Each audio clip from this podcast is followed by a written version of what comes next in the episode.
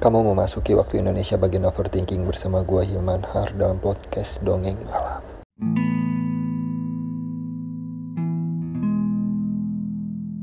Malam semuanya, baru episode kemarin kayaknya gue bilang mau rajin cerita di podcast. Tapi kenyataannya enggak juga. Emang sih susah kalau kayak gitu tuh harus semacam disiplin gitu sama waktu. Anyway, apa kabar kalian semua? Semoga baik-baik aja ya, gue doain. Pada kesempatan kali ini gue mau cerita sedikit. Wadaw, formal banget kayaknya anjir.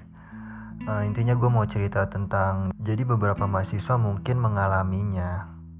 Tapi itu gimana mereka sih? Jadi gue cuma mau ngasih sudut pandang gue aja Soal masalah yang gue alami ini. Gue mungkin berpikir terlalu positif tentang masa depan gue Kalau semua orang itu pasti ya punya masa depan gitu. Saking positifnya gue jadi ngelupain bahwa ada beberapa penghambat seseorang buat masa depannya itu.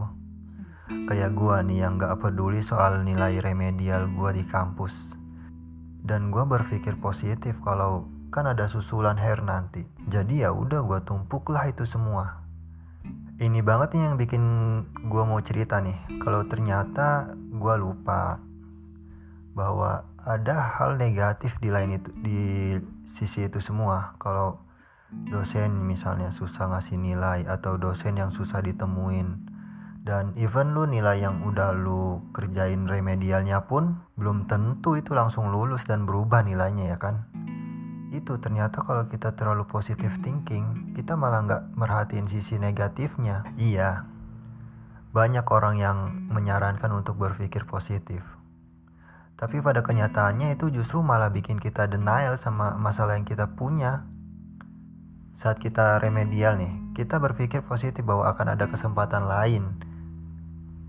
Bukannya malah belajar lebih giat dan mencari sumber kesalahan kita itu. Kita malah ngebiarinnya dan menunda untuk memperbaiki nilai itu.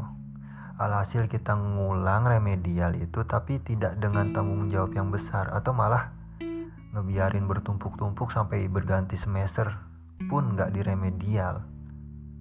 Padahal itu tuh lu harus berpikir bahwa waduh ini tuh salah banget gitu. Lu tuh harus berpikir lu tuh harus berpikir lebih dan lu tuh harus menyelipkan sebuah sisi negatif tadi bahwa dosen belum tentu bisa ditemuin atau dosen belum tentu bisa mudah-mudah bermudah-mudah memberikan lu nilai dan even lu udah ngerjain remedial pun belum tentu langsung berubah. Itu tuh harus dipikirin sisi negatif itu.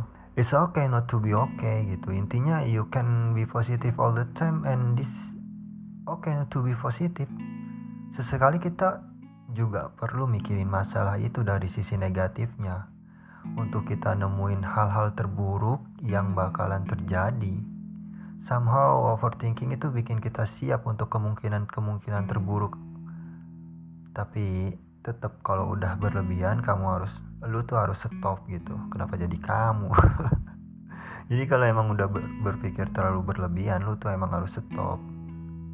Intinya jangan sampai terjebak oleh pikiran negatif terlalu dalam. Sebaliknya lu jangan juga terlalu berpikir positif terlalu dalam tanpa mempersiapkan hal-hal buruk di kemudian harinya ya semua tentang balancing gitu tentang keseimbangan dengan porsinya masing-masing. Ada istilah defensive pessimism yaitu proses di mana kita berpikir bahwa ada hal negatif yang mungkin terjadi di masa depan. Dan hal ini dapat meredakan kecemasan kita.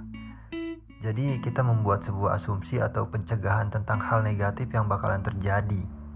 Beberapa peneliti juga menunjukkan ketika mood kita negatif, justru argumen yang kita buat akan lebih berkualitas dan persuasif.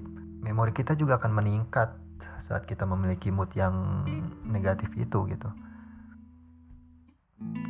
Intinya mungkin nih kita bakalan bikin plan A dan juga bakalan bikin plan B untuk setiap kejadian dan masalah entah apa pun itu yang kita punya. Nggak cuma terlalu bergantung sama positivity psikologi, di mana kita selalu berpikir bahwa dunia ini akan selalu berjalan lancar dan baik-baik aja. Ya, padahal tidak begitu, kawan-kawan. udah malam. Oke oke, kalau kalian ngantuk, ya udah. Tidurlah, pikiranmu lelah. Ada hati yang harus diistirahatkan.